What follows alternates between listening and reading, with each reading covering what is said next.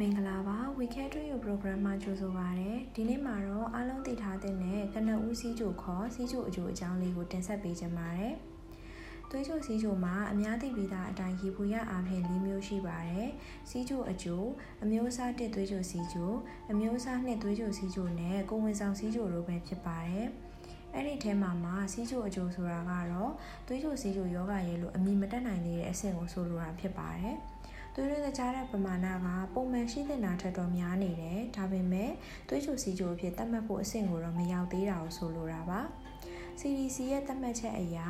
အစာမစားဘဲစစ်ဆေးတဲ့သွေးရင်းသကြားတဲ့ပမာဏဟာ100ကနေ125 mg per deciliter ဆိုရင်တော့စီးချိုအကျိုးလို့ဆိုပါတယ်။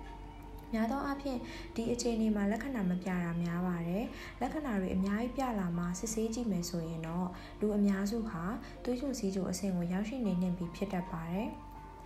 စီးကျိုအကျိုးရှိနေသူတွေခံစားရလိမ့်ရှိတဲ့လက္ခဏာတွေကတော့ရေမကြာခဏစာခြင်းစီးမကြာခဏသွားခြင်းမောပန်းနှွမ်းနေခြင်းအမြင့်အာရုံဝေဝါးခြင်းနဲ့ဘိုက်မကြာခဏစာခြင်းတို့ပဲဖြစ်ပါတယ်။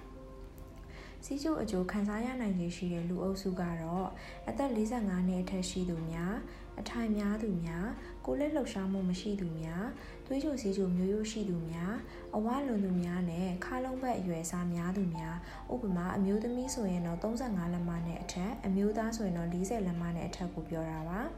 နောက်ပြီးတော့အသင်စားအစားအစာများနဲ့အချွေရည်တောက်သုံးမှုများသူတွေပဲဖြစ်ပါတယ်။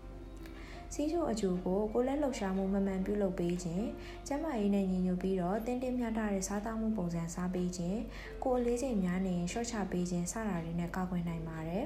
ခုနကပြောပြခဲ့တဲ့စီးချိုအကျိုးရဲ့လက္ခဏာတစ်ခုခုခံစားရရင်လည်းအမြန်ဆုံးစစ်ဆေးသင့်ပါတယ်လူကြီးမင်းကစီးချိုအကျိုးခံစားရနိုင်ရရှိတဲ့လူအုပ်စုတွေကအချက်တွေနဲ့ကိုက်ညီနေရင်လည်း6လတစ်ကြိမ်သို့မဟုတ်တစ်နှစ်တစ်ကြိမ်သွေးရင်းတခြားတဲ့ကိုစစ်ဆေးသင့်ပါတယ်။